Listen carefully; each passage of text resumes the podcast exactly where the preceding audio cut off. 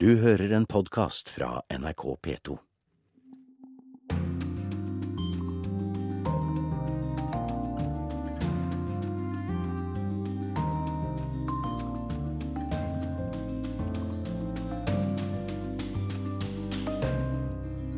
Statsminister Erna Solberg ville møte flyktningene selv der de kommer fra. Vi følger henne på turen til Bekadalen i Libanon. Hva skjedde med flyet som styrtet over Sina-halvøya? I Sharm el-Sheikh venter badegjestene på å ta flyet hjem samme vei. NRK har besøkt Eritrea. Der slipper nesten ingen journalister inn. Og nye lekkasjer om korrupsjon i Vatikanet. Nå arresteres de som lakk. God formiddag, du lytter til Urix på lørdag. Jeg heter Tom Kristiansen. Vi skal også høre fra Colombia, der menn med makt ikke ser fram til fredsavtalen akkurat, for hva vil skje med dem? Europa deles av nye grensegjerder, og i USA er det for, for, bekymring for hva som skjer med utvinningen av skiferolje. Og korrespondentbrevet denne uka det kommer fra de britiske øyer. Statsminister Erna Solberg besøker nå i formiddagstimene flyktninger i Libanon. Hun er i Bekkadalen, hvor hun har snakket med flere av dem og sett det skjøre livet de lever. Sigurd Falkenberg Mikkelsen, vår Midtøsten-korrespondent, du følger statsministeren. Hva har hun sett? Statsminister Erna Solberg begynte besøket her i Libanon i dag morges, oppe i Bekadalen. Det er jo et sted som huser underkant av 400 000 syriske flyktninger. Dette er et eh, fattig område i utgangspunktet, et eh, jordbruksområde som ligger da på grensen til Syria. Og Her bor flyktningene under svært eh, kummerlige kår. Mange av de i telt eller skur. Og de forbereder seg nå på vinteren som kommer. Den kan bli tøff i Bekadalen. Ned mot minus 15 grader på det verste, og til og med også mye snø. Sånn at Det var den ene delen av besøket. Eh, og del to eh, har hun nylig avsluttet. Det var eh, her i Beirut. Et litt mer originalt besøk for en utenlandsk statsleder. Fordi flyktningkrisen har også en urban del som ikke får så mye oppmerksomhet. Og hun besøkte da en liten syrisk familie som bor i et lite kott, må man nærmest si, på taket av en boligblokk i Beirut. Eh, og lever da eh, prøver å overleve eh, i Beirut på den måten. Og Du kan jo høre hva hun sa da jeg snakket med henne utenfor denne, denne leiligheten oppe på taket i Beirut. Du ser jo da hvordan dette også blir en veldig kummerlige forhold. Veldig vond å bo i, men det er en mulighet for å skaffe seg penger med å jobbe her. Og da da har du tiltrekningskraft på å komme mm. inn til byen. Og det de sier til meg nå, er jo at det kommer flere innover fra disse bosetningene ute. Bor her uten egentlig tillatelse eller annet. Eh, mm. Betaler mye for et knøttlite rom, men eh, kan skaffe seg penger på å jobbe. Mm. Men det fyller seg opp her også. 1,1 millioner mennesker i et bitte lite land. Hva mm. tenker du om det Eh, sammenlignet med Norge f.eks.? Det er jo veldig mange i nærområdene. Eh, veldig mange som har kommet hit. Eh, noen kommer rett fordi de opprinnelig også har vært migrasjons... Altså kommet her og gjort sesongarbeid. Det er, men det er klart at Libanon som land er under et ekstremt sterkt press knyttet til den store flyktningstrømmen. Og det skaper gnisninger fordi det er mange fattige også i de samme områdene. Men Vil det påvirke norske forhold, tenker du? Det er det du ser her? Det det påvirker, er jo bare understrekingen av betydningen av at vi også bidrar med hjelp i nærområdene. Eh, det er ikke noe svar at alle skal flytte på seg til, til våre land. Svaret er at vi må sørge for at det blir bedre støtteordninger, og ikke minst også se på helheten knyttet til Libanon. For det, at, eh, det er viktig å hjelpe også da den fattigste befolkningen i Libanon samtidig. Eh, Sigurd, beveget disse møtene statsministeren? Ja, Det er åpenbart at uh, statsminister Solberg var, uh, at dette har gjort uh, inntrykk. hun snakket med flere flyktninger. mange av de var i en veldig prekær situasjon og hadde også en samtale uten media til stede med kvinner. Og De fortalte jo da historiene om hvordan de har, både har flyktet, men også hvordan de lever veldig vanskelige liv nå. De har i veldig liten grad tilgang på jobber. og og det er lite håp uh, i flyktningleirene. Og jeg spurte Solberg også om hun forsto hvorfor mange valgte da å prøve seg mot Europa uh, istedenfor, og det, det, det forsto hun jo. Så de hun møtte, hadde en lyst til å komme til Europa? Ja, men ikke alle. Mange av dem, i hvert fall Eh, har også et primærønske om å dra hjem. og Det, er, det speiler også uh, hva jeg har hørt fra uh, veldig mange syriske flyktninger de siste uh, fire årene. At det er førsteprioritet er å komme seg hjem. Men når de ser at ikke det er noe håp, at de ser at krigen ikke tar slutt, så velger de da andre løsninger. og Det er det vi ser konsekvensene av nå. Både at krigen blir verre, men, verre, men også at det ikke er noen utsikter til en løsning. Og Det gjør at mange, de som har midlene, heller da ønsker å ta risikoen og dra til Europa. Hun har også møtt representanter for FN, ulike eh, organisasjoner innenfor FN. Hva har de sagt til henne? Altså FN uh, har jo et voldsomt behov for uh, midler. Og det er jo en skal si et paradoks her, fordi alle eh, europeiske ledere snakker jo om hjelp i nærområdene, at det er nøkkelen til å løse dette. Eh, men samtidig så sliter FN voldsomt med finansieringen og har måttet kutte i eh, nødhjelpen og de pengene flyktningene her i Libanon eh, får.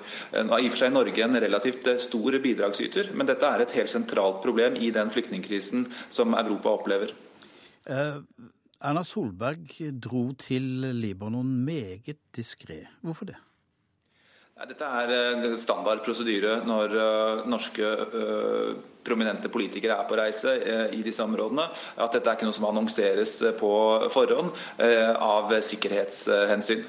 Takk til deg, Sigurd Falkenberg Mikkelsen.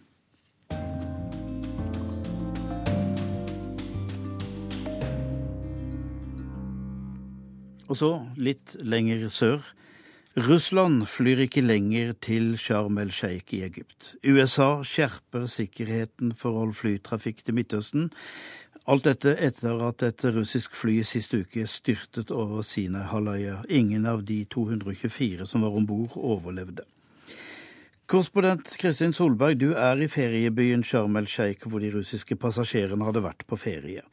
Ingen kan si hva som er årsaken, om det er en menneskelig feil som Russland avviser, at det ble skutt ned som folk som få tror på, eller at en bombe var plassert om bord, muligens av IS, og som Egypt ikke vil tro på.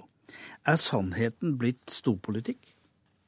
Ja, her kan jo late til at det eh, man tror skjedde, eller de teoriene som ulike land eh, fremmer, har noe sammenheng med deres utenrikspolitiske interesser.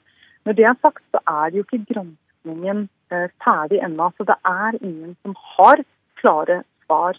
Eh, og nå ser vi jo at eh, også eh, Russland i går stanset flyvninger til Sharm el-Sheikh. I dag så eh, meldes det om at russiske fly, og russiske passasjerer, blir fraktet hjem, men bare får lov til å ta med seg håndbagasje. Altså at man ikke tar eh, og sjekker inn bagasjen. Noe som kan tyde på at også Russland nå begynner å eh, mistenke mer at dette kan da ha vært, vært en bombe. Hva står på spill for Egypt? Egypt det står svært mye på spill. Eh, den egyptiske turistnæringen er, er, veldig viktig for landet. Og den har, eh, den har vært eh, en turbulent tid siden revolusjonen i 2011. Turistnæringen har slitt siden det, for det har jo vært mye uro. Mye politisk uro og mye politisk vold i, i landet. Og dette for Egypt, hvis dette viser seg å være en, eh, en bombe, eller en såkalt terroraksjon, så vil det være veldig dårlige nyheter for eh, Egypt. Eh, det vil være et slags nådestøt for turistnæringen, både i landet og også her i Sharm el-Sheikh, som til en viss grad er blitt spart noe av den uroen vi har sett andre steder. Altså Mange lands reiseråd går nå på at det er ikke trygt å reise til Egypt, men Sharm el-Sheikh er et unntak. Og kanskje kan det komme til å endre seg nå. og Det vil i så fall være svært dårlige nyheter for alle dem som er avhengig av turistene for eh, rett og slett for å se sine, sine familier. For mange av dem som bor her i, i Sharm el-Sheikh. IS har sagt at de står bak. Det er mange som undrer seg over en bevegelse som ønsker å fremstå som verst mulig. Ja, Nå tror jeg nok at mange grupper som, eh, som driver med terrorisme, ønsker å spre så mye frykt som mulig. Det er det som er noe av eh, tanken eh, bak, eh, bak, terrorangrep. Slik at IS nok ikke er eh, unike der. Men det er klart når det kommer til eh, brutaliteten som de viser i, eh, i sine, sine, angrep, så, så flytter de stadig, stadig grensene og, og, blir stadig mer sjokkerende i både det de gjør og sine metoder. Nå er det ingen som vet hva som har skjedd med dette flyet. Etterforskningen er jo ikke ferdig. Eh, men skulle det nå vise seg å være IS, så vil det for være en, en stor seier. For da har, de, da har, de, rammet ikke bare Egypt, som IS i Kina, altså den gruppen, eh, den lokale IS her, eh, kjemper mot. De har også rammet russerne, som eh, jo nylig har begynt å bombe IS, blant andre, i Syria. Og så har de indirekte rammet mange vestlige land som har turister her i Egypt.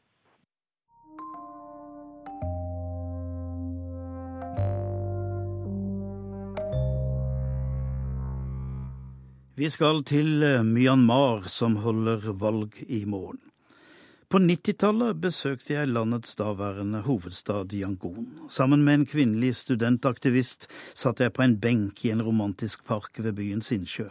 Se til venstre, hvisket studenten, og jeg så bort på et hvitt og stort og ustelt hus borte ved bredden. Der bor The Lady, sa hun. Noen ganger kunne man så vidt høre at Aung San Suu Kyi spilte piano. Look to the right, hvisket studenten igjen. Et stort, staselig hus. Der bodde generalen, og så la hun til. Tenk om de to tok årene fattet rodde utpå. Det kunne blitt til noe. Og etter en stund slapp hun ut fra sin husarrest. Denne uka var hagen hennes ved, ved den romantiske innsjøen full av folk. Hun smilte og hadde blomster i håret. Hun hilste på de tilreisende, blant dem NRKs Peter Svaar. Og så står vi her, på plenen utenfor huset i University Avenue, der dette landets politiske ikon i 14 år ble holdt i husarrest innenfor. Men i dag er store telt slått opp for å skjerme både oss og henne fra den stekende solen her i hagen. Flere hundre pressefolk får servert søt te med melk i. Og så kommer hun ut, med et nærvær også fotografene som ikke kan få nok nærbilder av henne, snart får merke. Yes, please sit down because I think it's difficult for the people at the back if you're all standing in. I have to keep telling our people that this is part of the democratic process, that you have to think of others as well as your own concerns.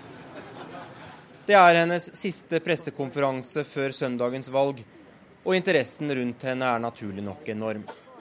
Det store spørsmålet er om partiet hennes, NLD, vil få nok stemmer til å kunne utpeke dette landets neste president, eller om Aung San Suu Kyi i en periode til må nøye seg med å være opposisjonsleder.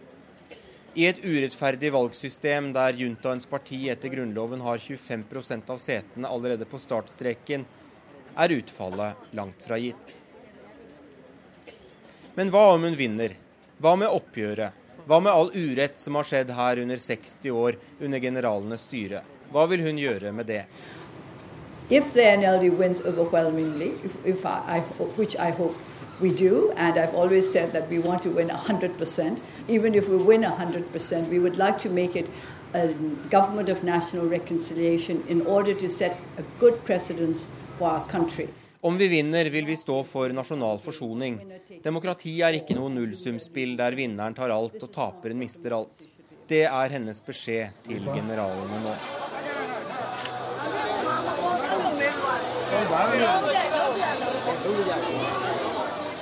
Valgkampen har vært intens i et land der mange ute på landsbygda aldri har stemt før, og ikke vet hva et valg innebærer. Kavmu er en av Myanmars fattigste områder, noen timer utenfor hovedstaden Yangon. Og her, her er Aung San Suu Kyis valgdistrikt. Og hvordan det skjedde? For tre år siden sto distriktet rett og slett ledig, og noen tenkte at Aung San Suu Kyi jo kunne ta det. Så nå er det her hun skal velges inn rent formelt. Under et blikktak med stablede, støvete røde plaststoler møter vi mannen som har ansvaret for å lede lokalvalgkampen hennes i Kavmu. Han heter Naing Lin Tet. ဘယ်လိုမှုရှိလဲဆိုတော့ကျွန်တော်တို့ကုံမှုမြို့နယ်ကအရင်တုန်းကဒီ2012ပေါ့2012ကာလမတိုင်မီကကုံမြို့နယ်ကိုကဘာမပြောနဲ့မြန်မာနိုင်ငံကတော့မသိဘူးဒီကုံမှုဆိုတော့ကုံမှုကအရန်ကိုသေးသိနေ For å være ærlig, dette området var et av Myanmars minst utviklede inntil for tre år siden. At Aung San Suu Kyi nå er kandidat her, har hjulpet oss voldsomt og plassert Kavmu på verdenskartet, mener han.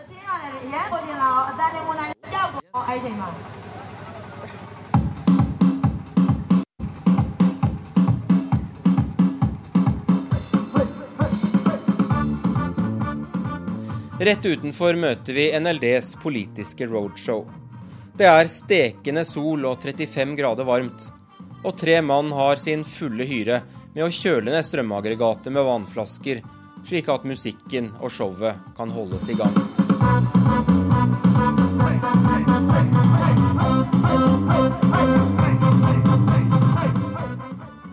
Mange her har aldri stemt før, og disse politiske folkemøtene handler vel så mye om å vise folk hvordan stemmeseddelen ser ut, og hvordan de skal gå frem for å stemme.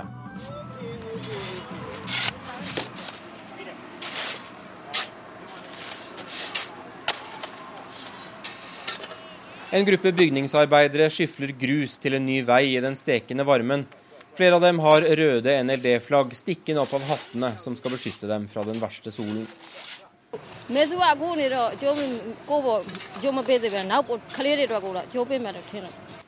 Jeg tror ikke Aung San Suu Kyi kan gjøre så mye for meg, forteller en av arbeiderne meg. Men hun kan gjøre noe for barna mine, og det er dem jeg tenker på. For kvinnen på den grønne plenen i University Avenue har plantet et håp her nå hos millioner. Men om hun faktisk vinner valget, og hvordan hun eventuelt vil forvalte makten, det gjenstår fortsatt å se.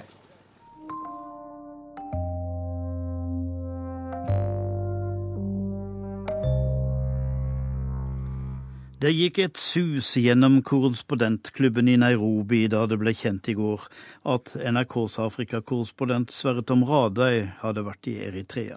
Det hadde ingen av de andre, verken Al Jazeera, Associated Press, Time, Reuters, AFP. BBC var der i fjor. Eritrea er et lukket land som ikke strør om seg med visum til pressefolk. I går kom vår Afrikakorrespondent hjem fra Eritrea, og Sverre Tom Radøy, hvordan har det vært? Hallo? Hallo, Sverre Tom Radøy. Hvordan har turen vært? Ja. Jo, akkurat nå mistet jeg deg et øyeblikk her, men den turen den har gjort et uh, sterkt inntrykk. Når vi først kom oss inn, så uh, møtte vi sterke og stolte og gjestfrie, men, men også engstelige og desillusjonerte mennesker. Selvstendigheten, at de har fått den etter 30 års kamp mot Etiopia mot alle odds. Eh, Davids kamp mot Goliat, den er de svært stolte av. De er stolte av å ha nådd millenniumsmål. Men så er også ungdommen svært desillusjonert og ser ingen framtid i landet, og de rømmer jo da med livet som innsats. De er også engstelige for konsekvensen av å snakke åpent foran mikrofonen, og de er gjestfrie. Dette var jo en reise inn i, et, inn i et diktatur som FNs menneskerettighetsråd mener er av verste sort, men også et land der kafeene og barene ligger tettere enn på Grünerløkka og Torgallmenningen. Og der praten rundt bordet går ganske åpent. Og der hovedstaden betegnes som en arkitektonisk juvel. Urørt av både krig og utvikling, på godt og vondt, siden Mussolinis art deco og, og art nouveau-arkitekter brukte Asmara som laboratorium for, for nye ideer. Det var trygt, lite kriminalitet. Som en lokal vi traff sa, du ser ikke politi i gatene. Og så ville han at vi skulle tolke det slik vi ville. Du reiste sammen med vår kameramann Robert Lutta. Hvordan var arbeidssituasjonen for dere? Altså Før vi dro, så snakket jeg med journalister i BBC og Wall Street Journal som hadde vært der. Eh, BBC følte seg altfor godt fulgt opp, at det var vanskelig å, å komme seg unna, av, uh, unna kontrollerende oppassere. Mens Martina Steves i Wall Street Journal hun mente at hun ikke ble fulgt godt nok opp. Vi ble overrasket over, at vi kunne jobbe såpass fritt, men vi var da heller ikke i landet med, ambisjoner om å avdekke fangehull eller filme containere i glova mørken stappfulle av langtidsfanger, som, eh, som vi har hørt flyktninger fortelle om. Vi snakket med de vi traff hvis de ville snakke med oss. Vi fikk ikke reise mot fronten mot Etiopia. Reisetillatelser de, eh, de, måtte fylles ut eh, et par dager i forveien, men vi følte oss ikke overvåket, slik en journalist i Süddeutsche Zeitung for en uke siden skrev at han gjorde. Eh, vi ble ikke påtvunget eller engang tilbudt bil med oppasser og sjåfør. Vi farta rundt ved, i i taxi med frittalende sjåfører og, og overfylte busser. Vi ble altså da forholdsvis overrasket over akkurat hvor fritt vi kunne jobbe. Men samtidig så beskriver du altså en desillusjonert ungdom. Det er et veldig forvirrende bilde du gir. Ja, det er ikke svart-hvitt. Iallfall så skal man da være eh, utrolig konsentrert før man ikke havner i, i, en av grøftene her, antakelig. Det blir en spennende oppgave nå i, eh, i tida som kommer, å sortere ut de inntrykkene og, og, og skille, skille bart, eh, bart, og snørr her. Ja, hva kommer vi til å få høre da framover i Urix og Dagsrevyen og Søndagsrevyen og her i UPL i ukene framover? Det er først og fremst møte med mennesker, altså alle tings mål. Men eh, kolleger fra aviser og radio og TV de skal fortelle om, om eh, hvordan det er de jobber. Der forsvant Radøy ut i intet. Har vi han med? Det har vi ikke. Der har vi. Åtte år. Ja, du ble ja. borte et lite øyeblikk, Sverre Tom Rade, men jeg må spørre deg helt på tampen her. Eh, altså, Eritrea ja. betegnes ofte som Afrikas eh, Nord-Korea. Er det, det, det, er kanskje ikke det, da? Nei, slik jeg ser det, så, så Der falt han ut igjen, så da sier vi takk til Sverre Tom Radøy, og han skal vi høre mer fra i de eh, kommende dagene om inntrykkene fra Eritrea.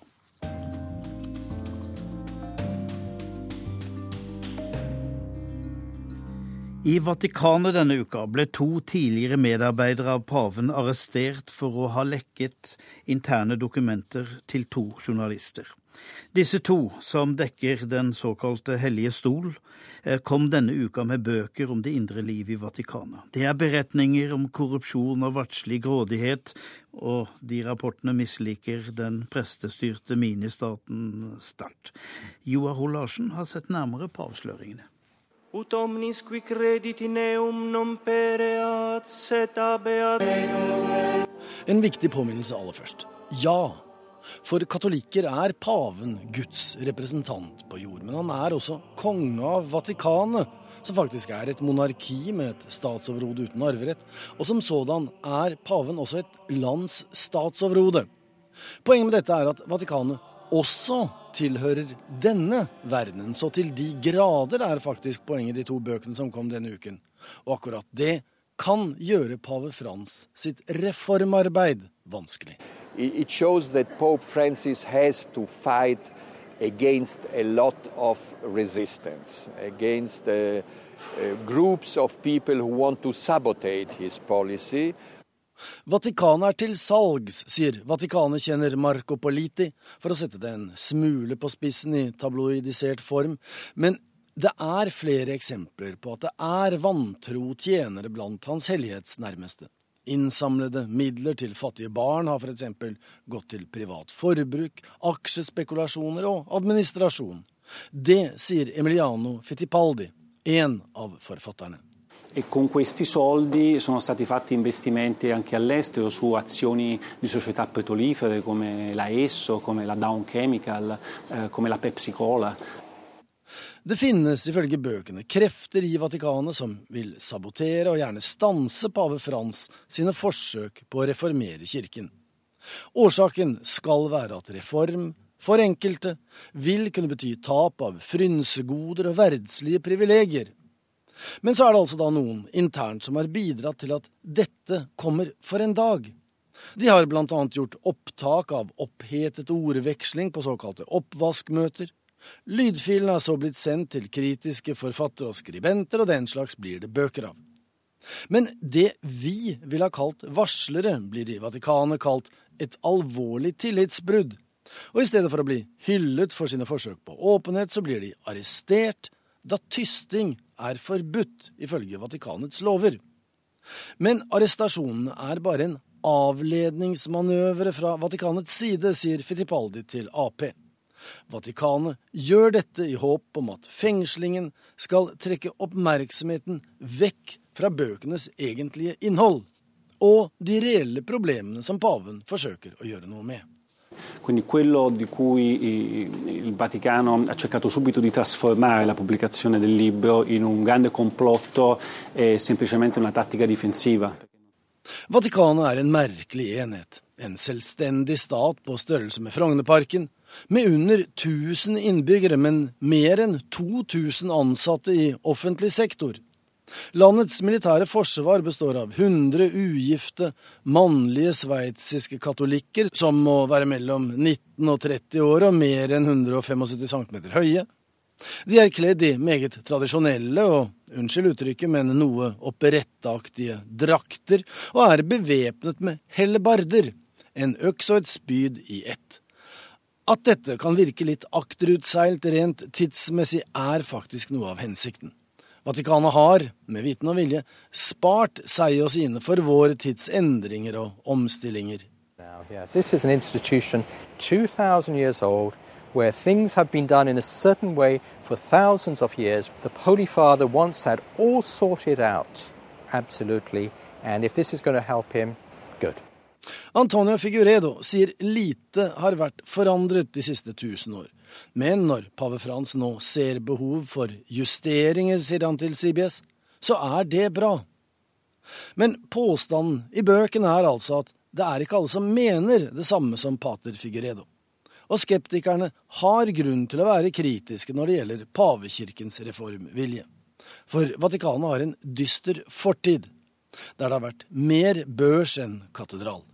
Enkelte vil huske P2-skandalen på tidlig 80-tall de miembros de una logia italiana que se hacía llamar Propaganda Due, P2. Propaganda Due, gigantskandalen der Banco Ambrosiano sto i sentrum for et sammensurium av Vatikanets finanser og hvitvasking av penger, våpenhandel og mafia, frimureri og teologi, prelater og profitt, Berlusconi og banksjefer. Forgreningene var globale og summene tisifrede i dollar. Det hele endte med at selve nøkkelmannen i nettverket, Roberto Calvi, ble funnet hengt under Blackfriars Bridge i London sommeren 1982. A man is found hanging from scaffolding under Blackfriars Bridge in London.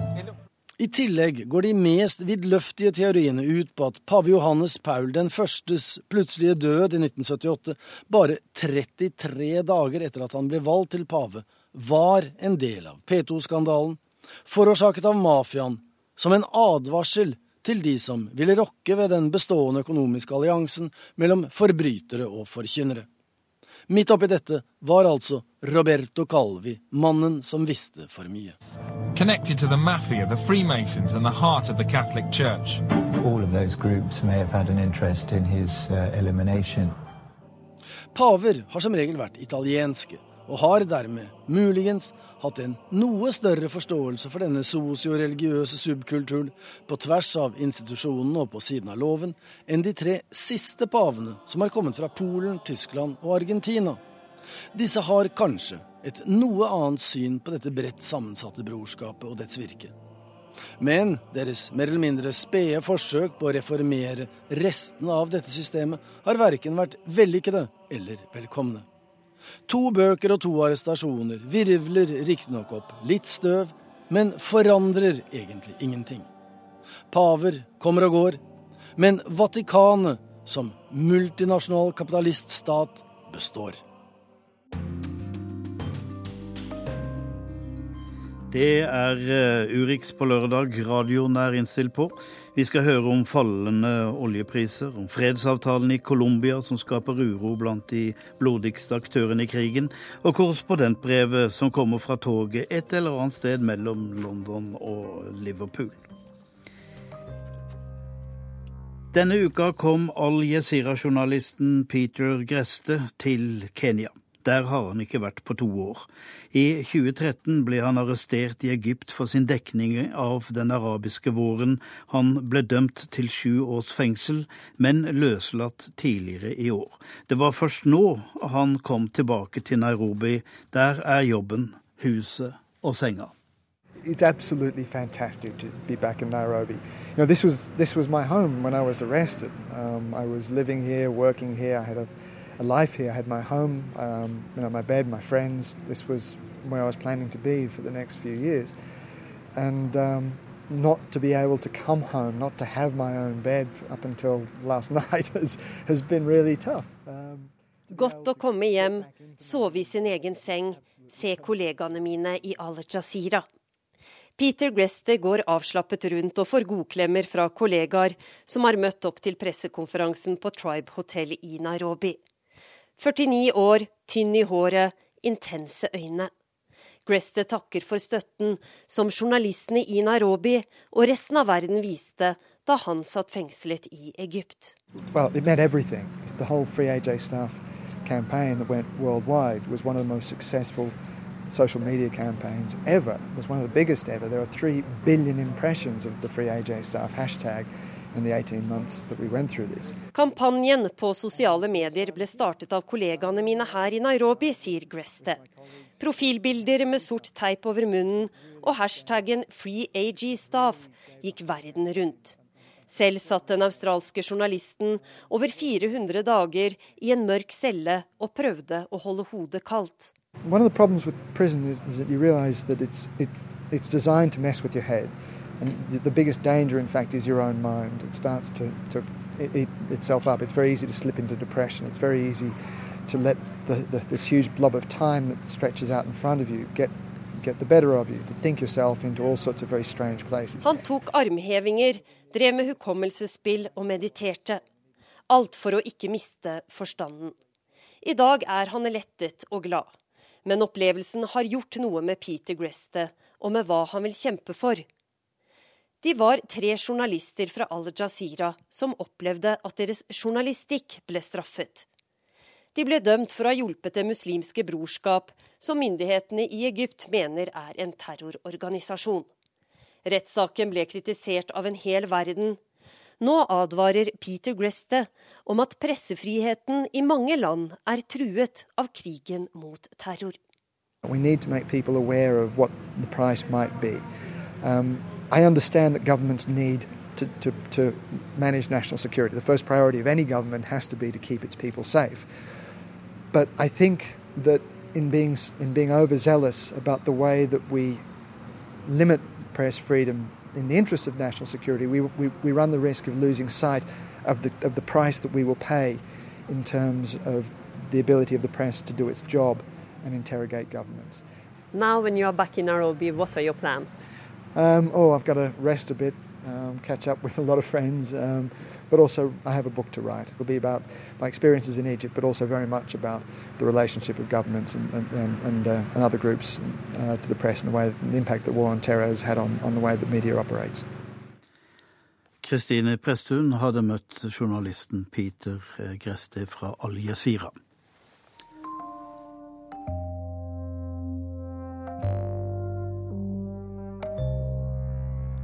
Oljeprisen er halvert på et år, for verden produserer mer olje enn vi forbruker. Vanligvis blir det ordnet med at Saudi-Arabia holder igjen, men saudiene er mer opptatt denne gang av å hindre at USA sikrer verdensmarkedet for seg selv med sin skiferolje.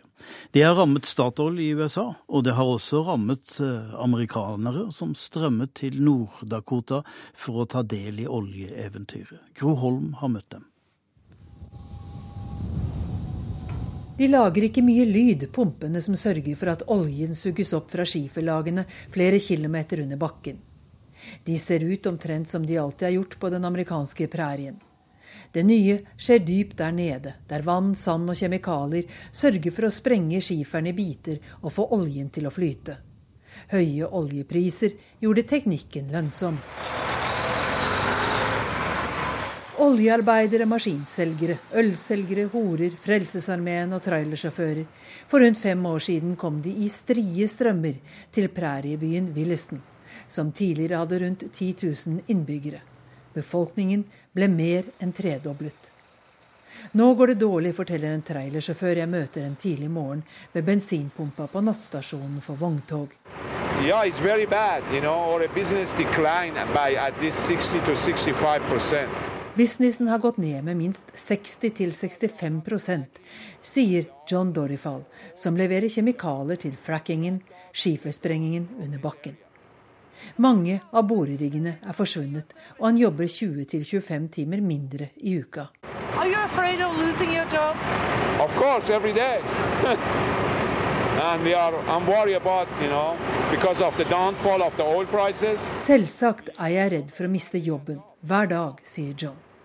Oljeprisene har sunket, og jeg vet ikke hvor lenge jeg får fortsette.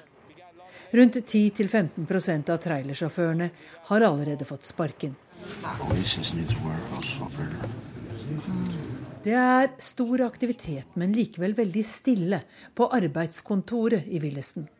Folk snakker lavt, nesten som om de skammer seg over å måtte komme hit for å søke jobb.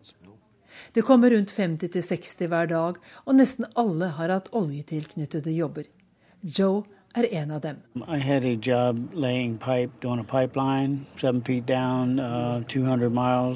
Jeg jobbet med å legge oljerør To meter dypt og 320 meter langt, forteller Joe Mauer. Han ble sagt opp da røret var ferdiglagt, og det er ikke mange slike jobber akkurat nå. Are you nervous? Yeah, because I got land payments coming up. I have to pay my house, my land. Joe er nervøs fordi han må betale på lån for jord og et tømmerhus han har kjøpt i nabostaten Montana. Han skylder 35 000 dollar, rundt 290 000 kroner på eiendommen. Ah, right det er virkelig tøffe tider nå, sukker Joe, som de siste fire årene har bodd i en campingvogn sammen med en hund som nærmer seg 20 år. Vi får følge med til losjiet.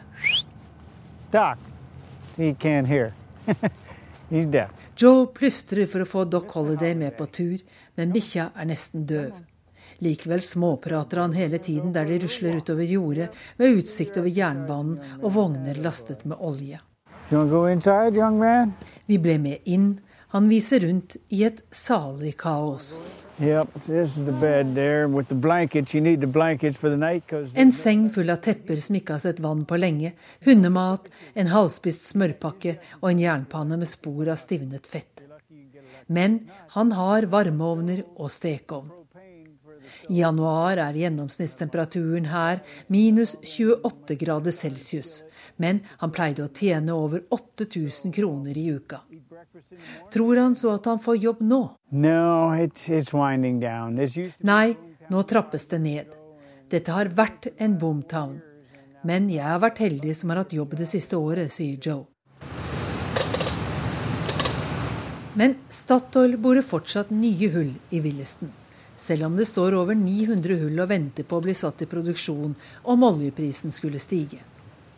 Statoils hovedkontor ligger 250 mil unna Williston, og i Houston treffer jeg konserndirektøren for USA, Torgrim Reitan. Det er klart Når inntektene våre halveres, så er det dramatisk. Og jeg er ikke fornøyd med lønnsomheten. Reitan vil ikke svare konkret på hvor mye av de 70 milliarder kronene som Statoil nylig har skrevet ned av egenkapitalen, som er knyttet til virksomheten i USA, men sier Oppkjøpene vi har gjort i USA, ble gjort i en tid med oljepriser over 100 dollar eh, fatet. Så har inntektene våre halvert seg. Og det er klart at det betyr mye for lønnsomheten, og også lønnsomheten i oppkjøpene som vi har gjort. Og det har ført til nedskrivninger. 135 ansatte i USA har allerede fått oppsigelse, og det blir flere, sier Reitan. Men tiden det tar å bore et hull, er halvert. Det er mer olje i den massen de får opp av jorda, og konsernsjef Reitan sier at Statoil vil fortsette å satse på skiferolje i USA. Joe gir heller ikke opp oljebransjen så lett, og fortsetter jakten på jobb. Well, I think I'm going to try one more week. I've been here the past two weeks for a job with no, no.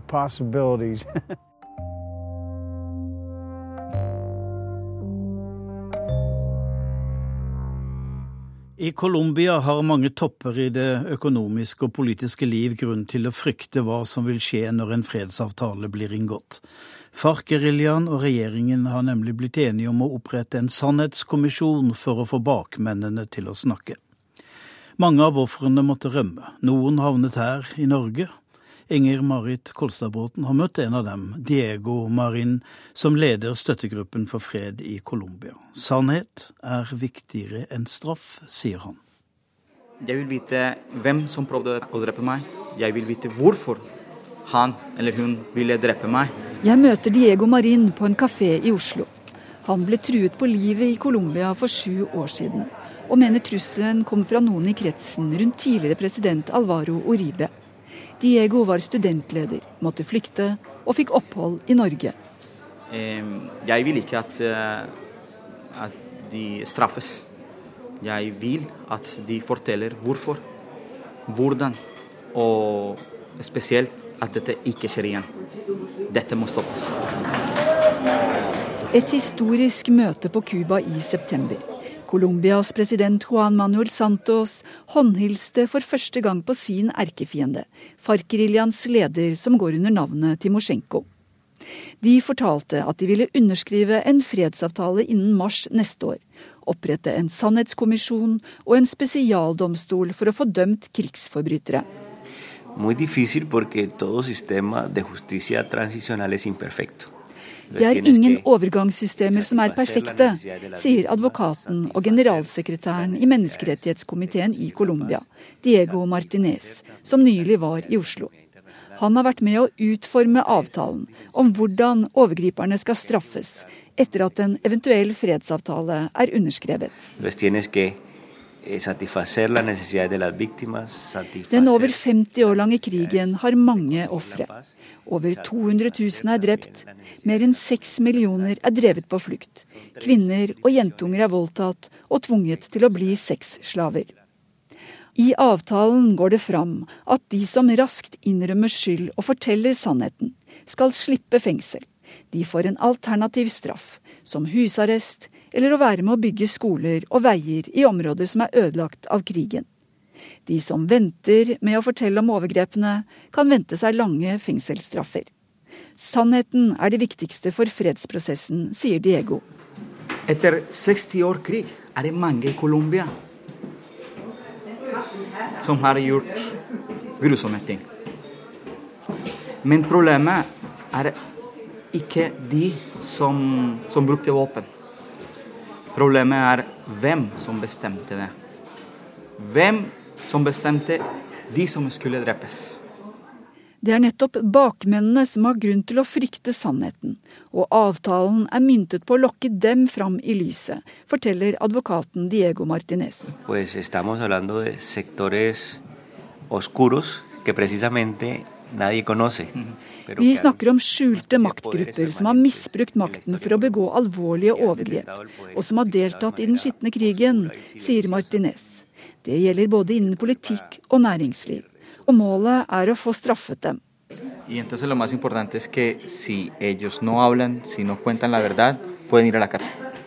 Men hvordan er det mulig for ofre for seksuelle overgrep og pårørende etter krigsforbrytelser, som massakrer, og akseptere at de skyldige blir satt til å bygge veier, istedenfor å sone lange fengselsstraffer?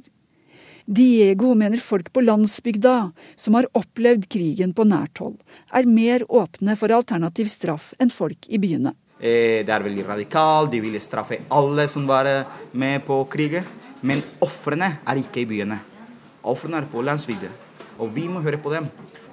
Og jeg er helt sikker på at de er veldig fornøyd med det som er nå inne i avtalen. Fordi hvis vi begynner å straffe folk i et land med 60 år krig, kommer vi til å ha halvparten av befolkningen i fengsel. Så det går ikke. Men mange i Colombia er fortsatt imot å forhandle med FARC-geriljaen, som de ser på som terrorister. En av dem er tidligere president Alvaro Uribe. På tross av motstand mener Diego at flertallet i Colombia nå er for en fredsavtale med FARC, og han er helt sikker på at de underskriver en avtale neste år. Colombia er et fantastisk land med fantastiske mennesker der. Og når den avtalen blir signert, skal vi feire, skal vi Vi skal, vi skal, vi skal bli glad. Ukens eh, korrespondentbrev er postlagt i Liverpool av korrespondent Espen Aas. Han er på vei hjem til London etter en slags aha-opplevelse på togstasjonen i Liverpool. Jeg er ikke en spesielt stor togfantast, men tro meg, de er det mange her i Storbritannia uansett. Folk, fortrinnsvis herrer, som står helt ytterst på perrongene for å fotografere de forskjellige togsettene som passerer særlig på de store London-stasjonene som Paddington, Waterloo, Victoria, Clapham Junction og en rekke andre. Der ser du de såkalte trainspotterne som står klare med kameraene sine for å få enda noen bilder til sikkert en allerede rikholdig samling. Men derimot elsker jeg å reise med tog. Det er lett å jobbe om bord. Det er en rask reisemåte de fleste steder her i øyriket, og det er også en perfekt måte å slappe av på, dersom det mot formodning skulle være en åpning for den slags. Jeg aner derimot ikke hvor mange perronger jeg har reist til og fra i Storbritannia i mitt voksne liv, men det er mange. Veldig mange. Og de fleste forblir bare en perrong, slik som min perrong 5 fra hjemstasjonen Wimbledon, som aldri er noe annet enn perrongen inntil sentrum, eller perrongene 1, 2, 3 og 4 på Waterloo stasjon når jeg skal hjem igjen. Så er det de som har det lille ekstra, for eksempel perrong 0 både i Cardiff og på Londons Kings Cross, skjønt eh, sistnevnte er kanskje mer kjent for sin fiktive plattform ni og tre fjerdedels fra historiene om Harry Potter. Likevel dukket det nylig opp en helt annen, tilsynelatende helt vanlig og kjedelig perrong som brant seg fast. Perrong 7 på Liverpool Lime Street Station. Det er her toget til London går fra Liverpool. Ved nærmest en tilfeldighet har den oppstått som et symbol for desperasjon, for sorg, for glede, for søken etter lykke og for hjertesorg. Fra nettopp denne perrongen, på nettopp denne linjen mellom disse to byene, har det stått mang en berømthet inn spe, mang et anonymt menneske drevet til sitt ytterste i desperasjon, i tillegg til alle de helt vanlige menneskene du aldri har fått høre historiene til. Det var en slik helt vanlig historie som gjorde at perrong 7 skulle bli en perrong utenom det vanlige for meg.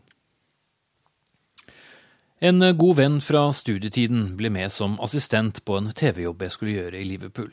Han er bereist her og er et omvandrende oppkomme av anekdoter og historier om de fleste steder i Storbritannia. En drømmekompanjong for en journalist og korrespondent. Da vi denne spesielle formiddagen ankom Liverpool Lime Street Station og steg ut av toget på plattform 7, så var det som alltid med en god følelse. Det romslige kuppeltaket i glass og stål over hodet gir lys og luft, og Liverpool er absolutt en av de hyggeligste byene jeg vet om å reise til, slik jeg innser at jeg pleier å si om ganske mange britiske byer. Min venn pekte mot enden av perrongen, der stasjonshallen begynner, og sa kort at det var her hans gamle Scouser-kjæreste pleide å møte ham i en svunnen tid, når han kom forventningsfull og sikkert lengtende fra London. Scouser er forresten navnet på en som snakker Liverpool-aksent. Morsomt nok kommer ordet faktisk fra det norske lapskaus, for det var det fattigfolk spiste fordi det var billig, og derav navnet. Men tilbake til kjærligheten og min venn. Denne perrong 7 og denne togstrekningen Liverpool-London var det som bandt kjærligheten deres sammen, og som for ham fortsatt hadde en symbolverdi. Og da vi var på vei ned trappen fra stasjonen, ramlet det inn i hodet på meg alle de andre som har hatt plattform 7 eller togstrekningen Liverpool-London som et av livets viktigste steder.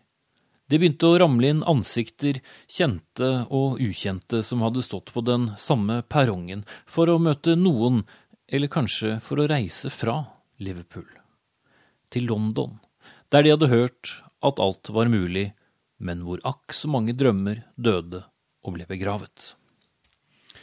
I dag er det multimilliardæren Richard Bransons selskap Virgin som trafikkerer strekningen London-Liverpool.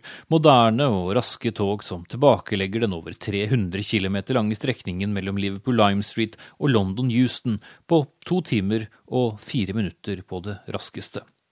Slik har det naturligvis ikke alltid vært i de 179 årene som er gått siden stasjonen første gang ble åpnet for publikum, og da de første minnene om det å reise herfra ble skapt.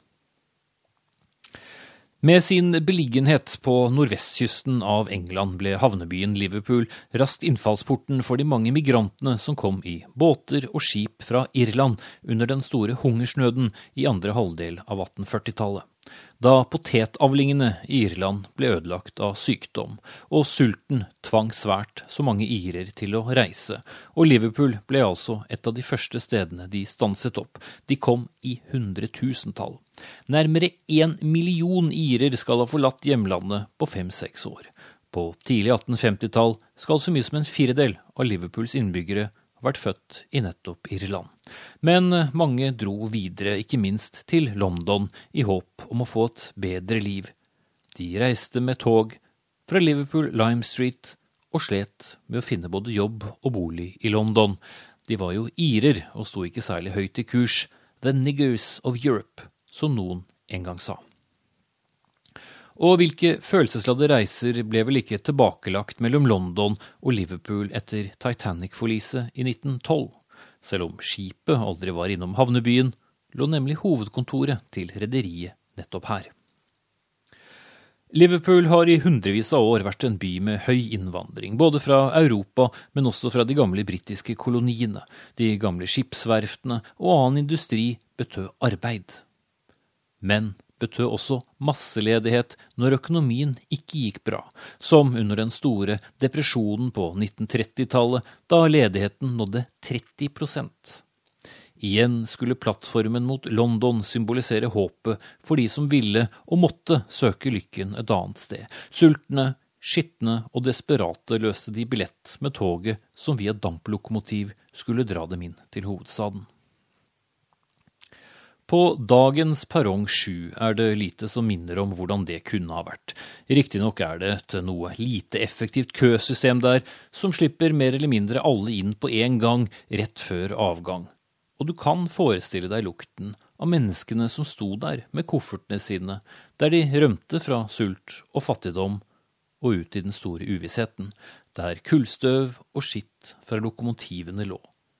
Det siste damplokomotivet i Storbritannia hadde for øvrig Liverpool Lime Street som endestasjon den 11. august 1968. En som kjente strekningen Liverpool-London godt på den tiden, var statsminister Harold Wilson. Han representerte nemlig valgkretsen Hyton rett utenfor bygrensen til Liverpool.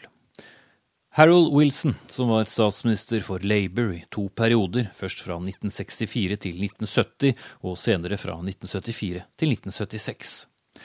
Han var kjent for å ta åttetoget fra Liverpool og elsket å arbeide om bord mens han hørte på BBC radio på vei inn til Houston stasjon.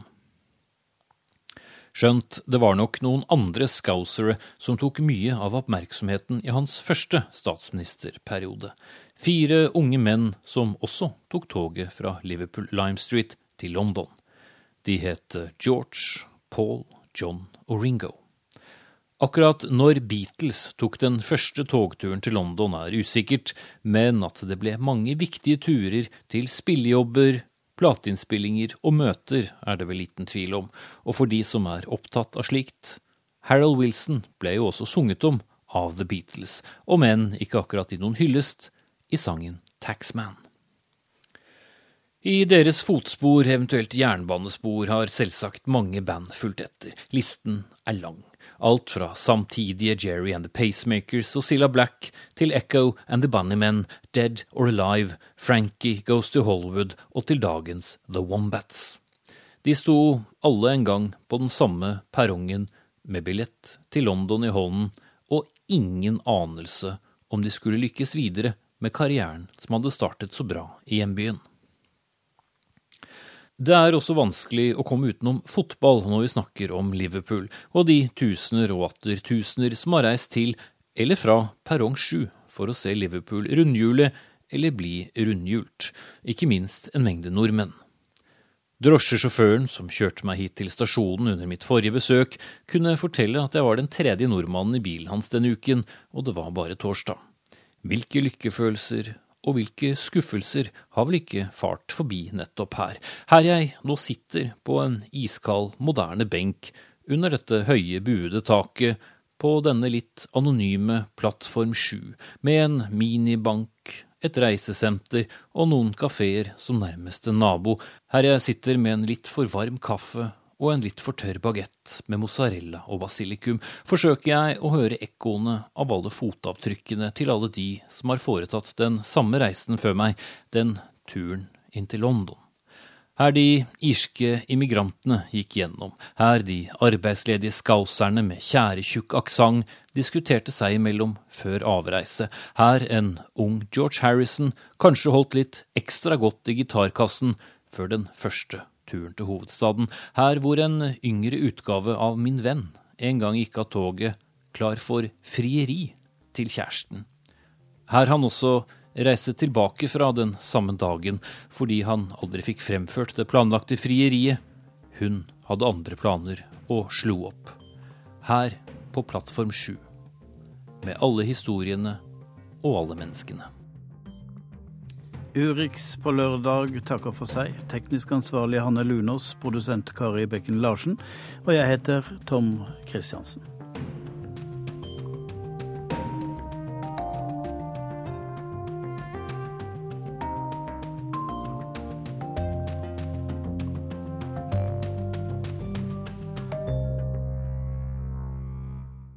Du har hørt en podkast fra NRK P2.